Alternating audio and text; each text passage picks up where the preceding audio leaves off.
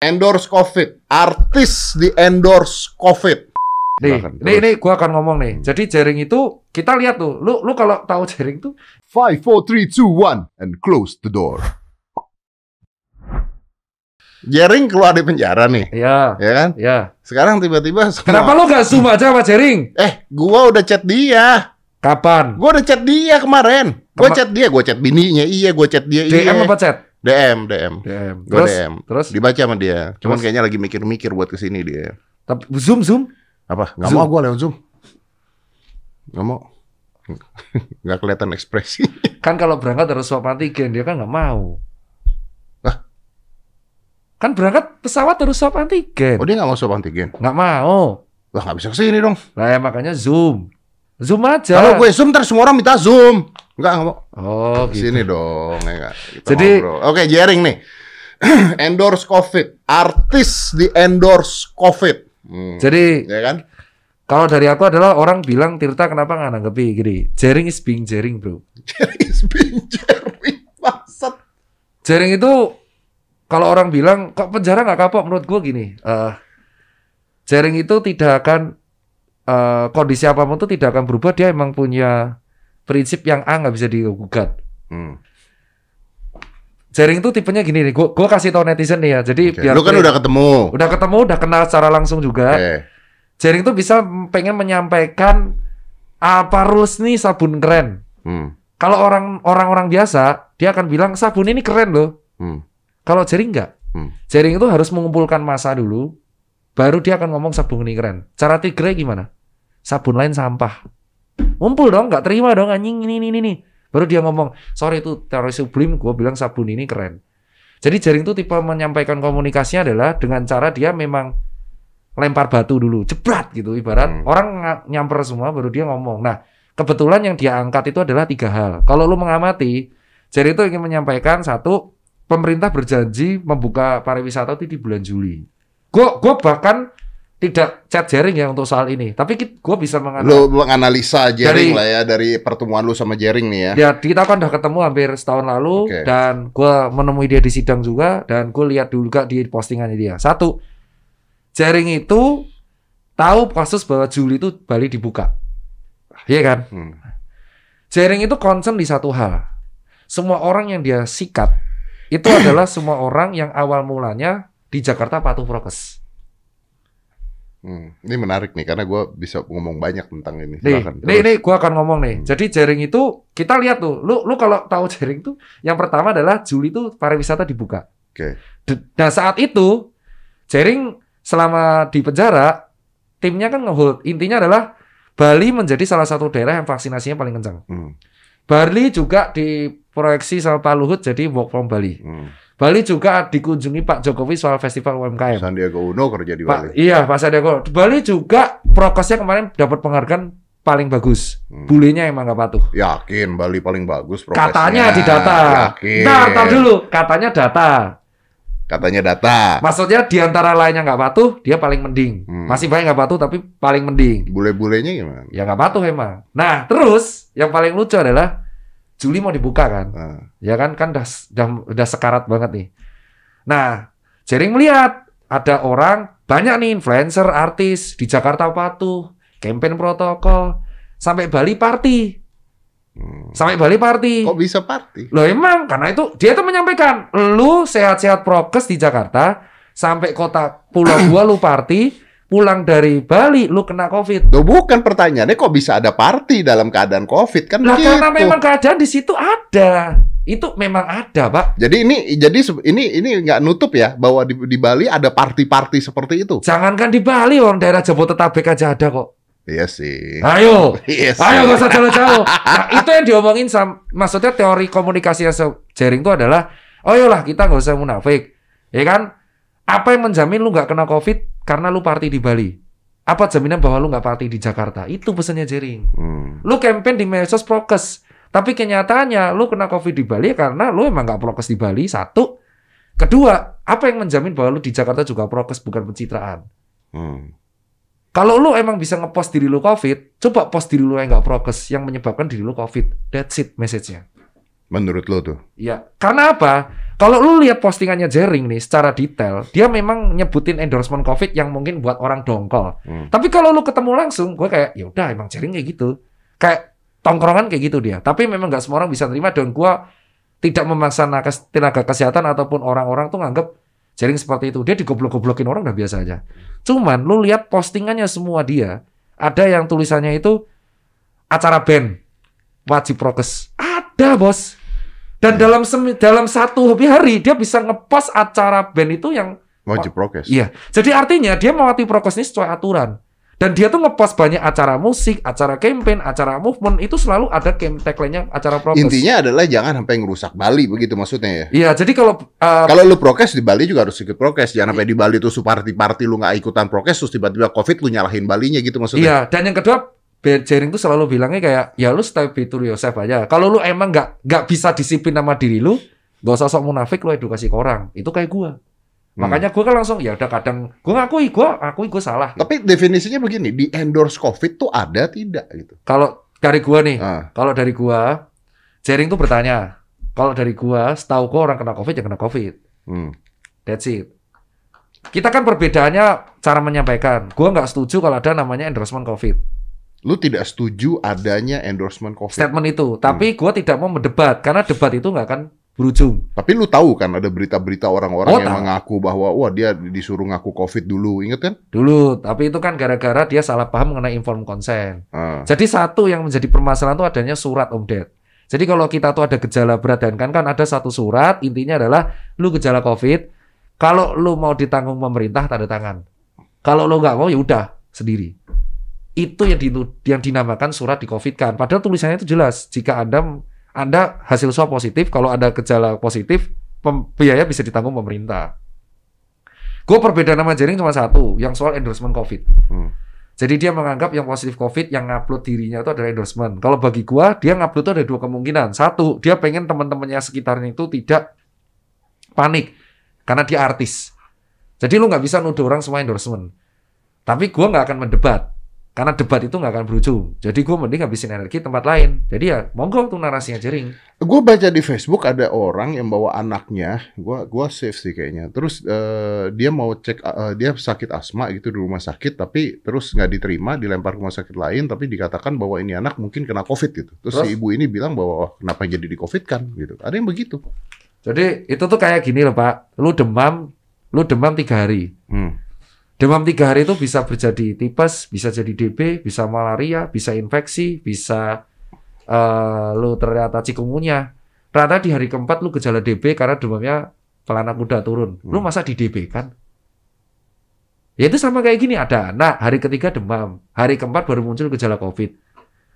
Kalau di DB pakai NS1, ini pakai swab antigen, keluarnya positif, masa di COVID kan? Itu tuh kayak 10 tahun lalu lu kena gejala sakit, kayak gitu. Cuman karena orang udah paranoid nganggapnya di COVID kan. Dan ini jujur ya, tidak hanya terjadi di Indonesia. Hungaria juga. Hungaria juga. Hmm. Apa-apa? Ya orang narasi bahwa COVID konspirasi. Australia, Jepang, Belanda, setiap negara tuh pasti ada orang seperti itu. Hmm. Jadi kita nggak nggak bisa bah- bilang Karena- ini ada ada cerita oh, cewek di Facebook dia bilang bahwa katanya bahwa ini anaknya asma, terus Ah-ah. belum diperiksa COVID gitu. Tapi eh, di rujukan ke rumah sakit eh, dibilangnya bahwa ini kemungkinan COVID. gitu. kemungkinan probability. Jadi namanya diagnosa itu ada tiga, namanya diferensial diagnosa. Diagnosa itu tegak kalau ada gejala klinis, pemeriksaan lab, itu darah, pemeriksaan swab, sama ronsen. Kalau lo gejala klinisnya memenuhi COVID, probability COVID. Jadi kalau Jadi daripada daripada mending COVID dulu dianggapnya. ya, tapi setelah dia negatif ya wis. Hmm. Enak. Itu kayak tim gua. Jadi tim gua kemarin usus buntu. Sakit usus. Jadi dia demam tiga hari, nggak turun-turun, rumah sakit nolak semua. Gue yang paksa, lu cek darah aja. Hmm. Pasti akan di sana. Begitu cek darah, Oke oke, gua gua ngerti maksud lu, gua kan? ngerti. Gua ngerti. Coba kalau dulu tuh lu pernah tahu gak sih ada berita baca yang katanya orang tuanya meninggal nggak COVID tapi disuruh tanda tangan COVID? Nah itu enggak, itu tuh yang surat yang gue bilang adalah gejala klinis bapak lu itu COVID. Ah, Swab dua hari, saat itu tuh swabnya dua hari. ah. Sementara pemakaman harus hari ini. Lebih baik daripada daripada gejala klinis bokap lu kan COVID. Gue makamin ya secara COVID. Nanti yang nanggung Hmm. pemerintah. Lu mau apa enggak? Kalau nggak mau ya udah, tapi resiko tanggung sendiri, ngamuk keluarganya. Itu kan yang dibayar katanya. Ada rumah sakit yang bayar Iya. pasien. Nah, itu nggak bayar, itu biaya penguburan yang diurus. Bukan, waktu itu kan sempat keluar berita katanya dia mau dibayar sama rumah sakit. Ingat gak sih sampai heboh banget Iya dulu. tahu, tapi kan akhirnya tidak tidak ada tidak bisa dibuktikan apa pun gitu loh. Intinya kalau dibayar dibayar gitu, kalau intinya gini, gua nggak bisa menjamin 100%, Hmm. bener ya, namanya menungso. Ya, ya. Kalau lu misalnya ada yang kayak gitu, aduin aja. Aduin aja. Kayak gitu. Pekanbaru kemarin yang dulu sempat masuk di TV, dia bilang bahwa eh, nenek saya almarhum nggak covid tapi meninggal covid. mm, mm. Dia protes kan, Mm, kan mm. tetap diurus.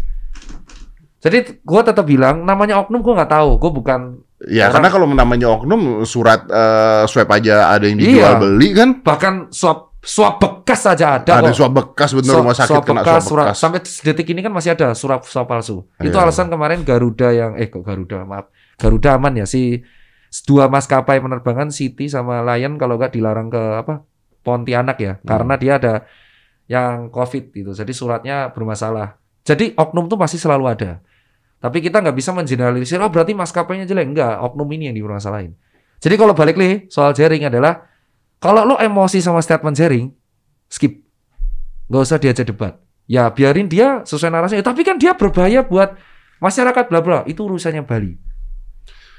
Karena kan nggak bisa urusannya Bali dong. ya emang Karena kan nasional. kalau mengatakan mengendorse COVID berarti masyarakat lihat ada orang-orang yang diendorse jadi nggak percaya dengan COVID kan Nah, begitu dong. Itu tugas bukan urusan tugas Bali yang dong. tugas yang mengklarifikasi itu kan bukan tugasnya orang awam biasa pak. Gua tugas gua adalah gua edukasi. Oke, gua edukasi tidak ada yang namanya endorsement COVID. Hmm. Gua akan ngomong, tapi gua akan menghindari debat. Jadi artinya melawan opini dengan opini, ya, kalau gua kayak gitu, tapi bukan meributkan opininya gitu. tepat. Gua gua lebih seneng kayak gitu. Jadi kalau ada endorsement COVID, gua bilang tidak. Buktinya mana? Memang nggak ada. Nggak ada yang namanya endorsement COVID. Lah, tapi ini kan jadi ngasih uh, narasi nih. Ini ini biaya buzzer, ya, lu rekap aja tanya sama yang buat berita, itu biaya buzzer buat COVID apa enggak? Karena setahu gua tidak ada yang namanya endorsement COVID. Hmm. Kere semua soalnya kita. Kenapa? Insentif nakes saja nyicil-nyicil. Rumah sakit aja bayar nyicil-nyicil. Apalagi nih buzzer COVID ngapain? Nah, makanya kalau gue bilang kalau tapi hindari untuk dongkol. Jengkel tuh silakan, tapi kan medsos-medsos masing-masing. Jaring juga ngoblokin orang, lu boleh ngoblokin, tapi ya terserah. Tapi kalau idealnya adalah yang mengklirkan isu-isu itu jangan hanya orang awam terus. Lebih baik Kementerian Informasi dong. Kenapa Kementerian Informasi atau Kementerian Kesehatan tidak mengatakan tidak ada endorse COVID? Lah ya itu.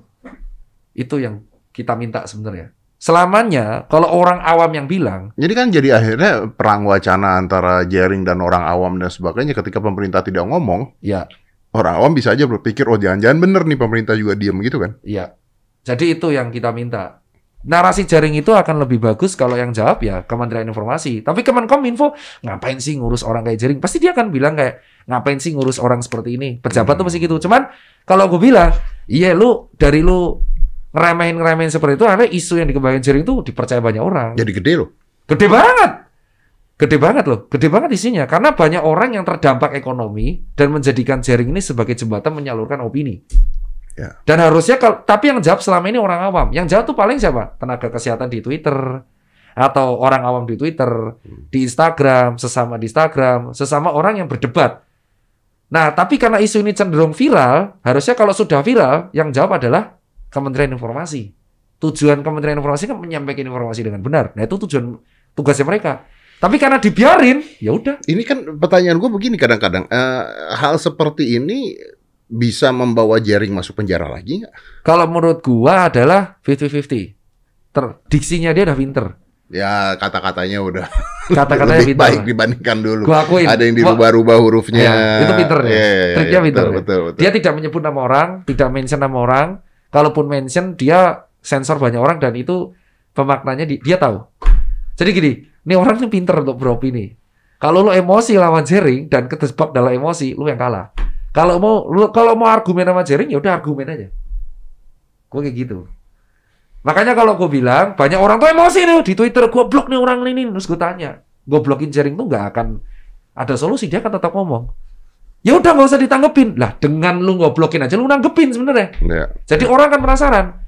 Terus gimana dong? Ya lu usulin ke ID ya untuk statement ke Kementerian Informasi kayak ke Dinkes ya. Wah, tapi mereka selalu bilang, Ngapain ngurusin jaring gitu? ya udah, ya udah berarti isu ini tambah gede dong. Berarti isu ini tambah gede kenapa? Ya karena tidak dijawab. Kalau gua Gue jawab, endorsement COVID ada dok? Enggak. Gue jawab dengan cara gue.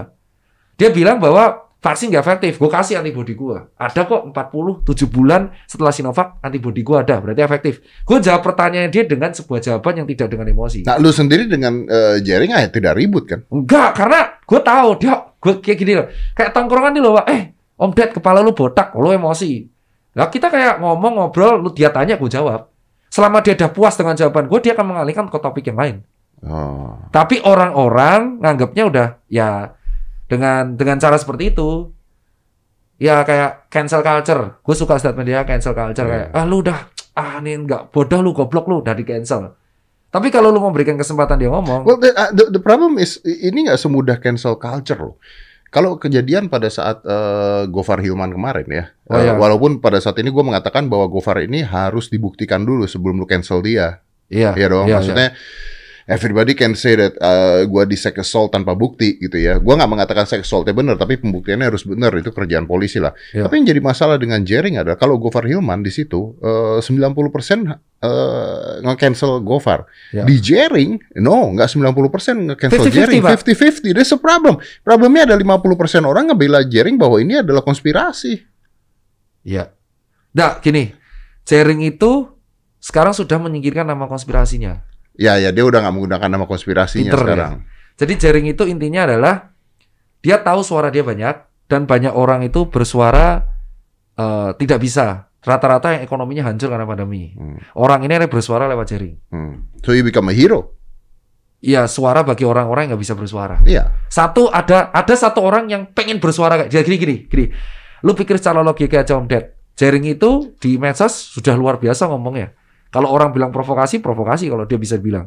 Ada satu orang nih yang di Kuningan. Dia bilang saya nggak takut covid, Tahu tahu pengen pegang jenazah. mayat ditangkap polisi kan. Ditangkap kan? Oh, tapi Iya. dibebasin, tapi Di- ditangkap. ya, dulu. tapi ditangkap kan? Ah. Awalnya ditangkap, dibebasin. Hmm, hmm. Jaring ngomong, kok gua nggak ditangkap? nah inilah yang jadi masalah. Ya jadi jadi masalah. Kalau gue lihat orang yang nggak percaya covid dan megang jenazah itu itu itu nggak ada salah apa pun. Dia cuma disuruh datang, edukasi selesai case close. Dia ditangkap, ditangkap nih. Terus jaring nggak? Orang otomatis takut dong buat ngomong. Hmm. Berarti suara kedukungan jaring tambah banyak kan? Karena dia ngerasa kayak Aman. aman nggak ditangkap. Walaupun akhirnya dibebasin, tetap siap terapi loh pak. Iya, Diba- ke, pasti diba- bawa dijemput polisi. polisi itu siap. Makanya gue bilang, ini opini orang kuningan sama opini jaring tuh nggak ada bedanya. Ya kan, yang ini ditangkap nih enggak. Apakah jaring harus ditangkap? Enggak. Jawab aja selesai. Toh ini kan nggak ada pasal yang bisa dikenakan. Kecuali dia eh, kayak kena IT yang kemarin, eh, kacung-kacung tetek bengek lah. Sekarang dia udah teliti. Tapi kalau lihat secara teliti banget jaring ini, ya kayak dia selalu bilang kayak kasus yang eh, seleb-seleb yang kurang dari poli positif. Lu party-party di pulau yang tempat tinggal kita, yang di mana pulau kita nih berdarah-darah. Hmm. Lu pulang COVID. Kenapa? Orang jadi nggak mau berangkat lagi ke sana. Iya, padahal lu juga bisa party, ketularan di bandara, lu bisa jadi ketularan di party lu Jakarta. Tapi kenapa ketika lu party di Bali lu pos, tapi lu party di Jakarta nggak di pos? That's it the message. Kalau lu, lu kenal dari itu kayak message emang susah. Tapi orang udah ngechat goblok duluan. Itu. Nah makanya kalau bilang, nih akhirnya dipundurin lagi. Tapi jadi ngomong bla bla, memang ada party di sini. Dia sendiri ngomong udah di story, ini ada event musik bla bla bla bla bla. Kenapa? Karena emang kayak gitu. Tapi kan itu terjadi bukan hanya di Bali, di Jakarta. Semua. Nah, ini yang jadi masalah. Apa yang menjadi jaminan dia ketularan itu bisa aja di party di mana pun. Nah, kan? bukan, bukan gitu dong. Pertanyaannya orang kan apa yang menjadi jaminan, bukan jadi jaminan, apa yang membuat tempat party bisa buka? Anjir. Gym nggak dibuka, party nggak dibuka. Pertanyaan memang tempat hiburan tuh banyak yang dibuka. Hmm. Entah secara diem-diem, entah ataupun secara yang eh, se- Oknum. oknum. Itu emang benar. Kayak di Bekasi, temanku si Adam tuh ada satu party tempat ditutup, satu enggak. Hmm. Dan itu nggak hanya terjadi di Bekasi, Bali pun ada, Jakarta pun ada. Dan itu yang menyebabkan rasa nggak adil. Tapi kalau buat endorsement COVID, once again, gue nggak setuju. Kenapa? Karena ada seleb itu pas ada satu, Ya, satu. karena punya kebutuhan tersendiri, maksudnya juga peduli dengan masyarakat. Maksud lo begitu kan? Ya karena namanya artis kan ketemu. Iya, iya, iya, iya betul. kan? Dan dia merasa bertanggung jawab terhadap Oh, hal kalau, tersebut. ya takutnya kalau orang COVID gara-gara gua Iya, nih. gitu. iya, iya, iya. Atau yang kedua, ya memang dia Ya. eh, nggak mau kelihatan bahwa ini kesalahan gua, bisa jadi. Ya, oke lah, oke. Tapi gua nggak akan bilang endorsement. Tapi gua nggak setuju. Tapi kalau narasinya dia yang tempat party ada yang tempat buka, party buka, gue setuju di situ. Makanya, tapi dia juga edukasi. Tapi kalau lu mau nanggepi jaring, discuss aja lewat DM. Dia balas kok. Hmm. Tapi kalau lu debat dengan kata-kata kasar, ya dia akan semakin semangat dengan kata-kata kasar. Ya, ya, ya, ya. Saranku sih kalau Lu sama bukannya udah pernah ngeributin tempat party buka dari dulu? sudah dari dulu dari tahun lalu pak. Karena gue ngerasa nggak nggak elok aja kayak gini loh pak. Tempat olahraga dipersulit, Hmm. gue akuin. Terus pasar KRL tiap hari rame. Rumah restoran susah. Tempat party itu yang buka diem-diem juga beberapa ada. Tapi kalau kita mention namanya, buktinya mana? Gua akan kena pencemaran nama baik. Ya. That's it. Yang gua bilang ya udahlah. Akhirnya masyarakat ngerasa kayak tempat party buka tapi kok gua enggak gitu. Ya udah akhirnya gua bilang sekarang menjadi ketanggung jawab masing-masing. Gua nggak bisa nyala-nyalain. Makanya statement gua tiga bulan terakhir udah malas untuk nyalain. Lebih baik ya udahlah sadar diri aja lah. Yang penting kalau lu sadar diri, jaga diri keluarga ya udah that's it. Dan ini sekarang Delta lagi uh, menular banget, lu mending jaga diri lu sama keluarga lu aja. As long lu bisa swab, ya udah. Kalau lu nggak ada duit buat swab, lu kerja tapi makan teratur dan sebisa mungkin cuci tangan. Gue kayak gitu. Udah berusaha dan gue sekarang lebih ke sublim, komorbidnya kita atasin, menghindari perdebatan, mbak, karena nggak ada endingnya. Apakah Di, pengen? di, di, di sisi lu bisa menghindari perdebatan, tapi di sisi orang-orang yang merasa itu tidak adil nggak bisa loh. Ya, gue nggak bisa maksa. Makanya gue bilang, pokoknya kalau debatnya udah nggak ada ujung, tahan diri aja.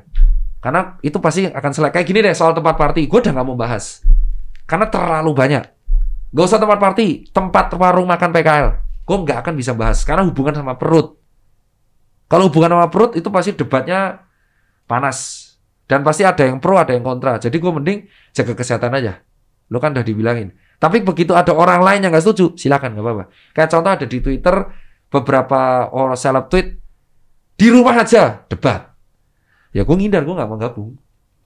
Itu kan opini dia di rumah aja. Ya udah nggak apa-apa, kita hormatin. Seperti jadi intinya kita sekarang di Indonesia tuh belajar menghormati opini orang. Kayak lu, lu kan suka olahraga. Lu nggak kena COVID karena mungkin lu rajin olahraga. Apakah lu salah kalau lu statement? Gua nggak kena Om Ded nggak kena COVID karena Om Ded itu pola hidup sehat dan rajin olahraga. Salah nggak? Nggak salah juga. Nggak. Hormati opininya gitu. Iya, hormati dong. Tapi kan dia prokes loh. Emang gua prokes, gua berusaha. Tapi gua juga olahraga. Berarti gue juga bisa mengatakan dong, kenapa gym lu tutup sedangkan tempat party masih banyak yang buka? Itu bener. Karena gym lu lebih bermanfaat banyak banget bagi banyak orang untuk menjaga imunnya tetap kuat. Dan gua akui, gym itu lebih bermanfaat. Makanya gua agak nggak nggak kalau gym sampai ditutup. Gua nggak tahu kalau gym Ditutup, ditutup. Tempat party yang diem-diem buka juga masih ada sampai sekarang kan? Ya kalau gua bilang lebih gym lebih bermanfaat karena orang lah karena ya, gua cuman kan ah, ah, ah, itu dia. Tapi kan ending-endingnya Oh, iya. ditanyakan eh, mana buktinya, mana buktinya kan? Kita kalau ngasih tahu buktinya kan kita juga yang kena ITE kan? ya benar sih. Ya kalau ngasih bukti pasti kita kena ITE karena fitnah. iya. Nih, gua gua curiga gini loh, eh, pusat kesegaran jasmani atau gym. Kalau masa spa oke. Ya. Oke, ini oke lah, mereka pasti protes juga. Pasti protes gua yakin. Dan itu hak mereka protes. Tapi kalau tempat olahraga menurut gua agak aneh. Kayak kemarin tempat futsal di razia. Itu enggak agak lucu. Lucu banget. Karena namanya orang olahraga itu fisik untuk membuat imun kita kuat. Sementara edukasi kita adalah edukasi dokter menjaga imun tetap kuat. Gimana orang tetap kuat kalau dia nggak bisa olahraga? Loh kan bisa olahraga di jalanan. Ya nggak Ya, semua orang punya gitu waktu. juga, ya, nah, betul, betul, jadi kalau gua bilang, eh gua usulnya adalah fasilitas-fasilitas yang tempat olahraga itu dibuka asal mereka bisa bertanggung jawab atas keramaian yang di sana. Karena nyatanya memang orang-orang yang fisiknya kuat, gua akuin gini deh, lu 15 17 bulan loh, Dad. Lu tuh saksi, lu tuh contoh orang yang hidup sehat dan lu pun bisa aja kena Covid tapi nggak bergejala, tapi lu tetap Ya tetap ber, ber- beroperasi. sama maksudnya. anak lu juga. Iya. anak lu juga ya that's it ya itu pola hidup makanya gue bilang ya semua orang bisa beropini tapi kalau gue opini tempat gym harus lebih bermanfaat untuk dibuka selayaknya tempat futsal dan tempat basket lebih milih gini deh lu lebih milih dia kerumunan di di klub, atau lebih dia kerumunan di gym Iya. atau futsal yang kena mata, ke tempat lapangan sepak bola Iya kan? benar. contoh deh Inggris sekarang sudah membuka penonton bola tuh full. Tak karena vaksinnya udah tinggi juga. Tapi dia tidak membatasi pemain sepak bola itu tetap sepak bola. Gue yakin ketika lapangan sepak bola dibuka lapangan basket lapangan bulu tangkis tempat bowling atau eh, tempat gym dibuka itu bisa mengurangi faktor kita ketularan. Gue sih usul kayak gitu. Daripada nih kita membuat mereka kerumunan di tempat yang seperti itu Apakah gue menyalahkan orang party? Enggak. Banyak orang Jakarta itu memang bebannya berat, jadi mereka butuh hal seperti itu. Tapi yang terjadi adalah nggak adil. Ket- Ketidakadilan itu adalah ketika satu klub ditutup, satu enggak. Lu pikir ownernya akan terima gitu? Klub gue ditutup nih. Terus yang di sana klubnya nggak ditutup, protes pak. Wih, klub sebelah kok nggak dirazia? Gue doang dirazia. Hal itulah akan mengakibatkan owner klub saling Ya. merasa nggak adil. Nah, makanya kalau gue bilang stop lah hal kayak gitu karena COVID nggak akan kelar. Kita fokus edukasi dari tingkat posyandu sama ketua RT. Eh, nakesnya kita urusin, eh, jaminannya dan kawan-kawannya. Vaskesnya kita tingkatkan fasilitasnya supaya merata nggak hanya di Jakarta. Tempat olahraga dibuka. Nah, khusus untuk Bali itu mending dirapatkan sama sana berkali-kali. Vok. Ya, pinter lu, luar biasa. Iya, lah empat bulan belajar. Lu disuruh kan ini, ya jangan lupa eh, ini ya, ini harum. Yang penting gue salut sama lu sih, gue saksi hidup ya. Jadi izin dah keluar, acaranya itu 29 Juni 2021. Mundur gitu. Itu budgetnya sudah sewa di tempat di sebuah Senayan gede, habis gak tahu miliaran dan izin dah keluar tanggal 20 Juni tim Om Ded bilang batalin. Rugi loh pak, Rugi. gak apa-apa. Gak apa-apa. Di balik Om Ded yang selalu rebel, Tapi patuh juga. batu juga. Salut gue. Dok, thank you ya dok ya. Iya. It's always a pleasure to have you. Lu gila lah. Lu keren lah pokoknya. Lu keren. banget. Jadi jaring mau di zoom? Nah, nanti kita kita pikirkan lah kalau di Zoom. Dia kamu beneran nggak mau antigen? Susah pak. Ya, coba ntar gua ngobrol. Kalau kalau lu bujuk mungkin Siapa tahu mah. bisa. Ya kan? Tapi kalau menurut gua mending lu bertiga. Jadi kayak lu sama tiga orang ini siapa? Ya jadi enak ya diskusinya ya. Ya, jadi dia tiba-tiba zoom. Oke. Deal. Let's do it. Thank you dok. 5, 4, 3, 2, 1, and close the door.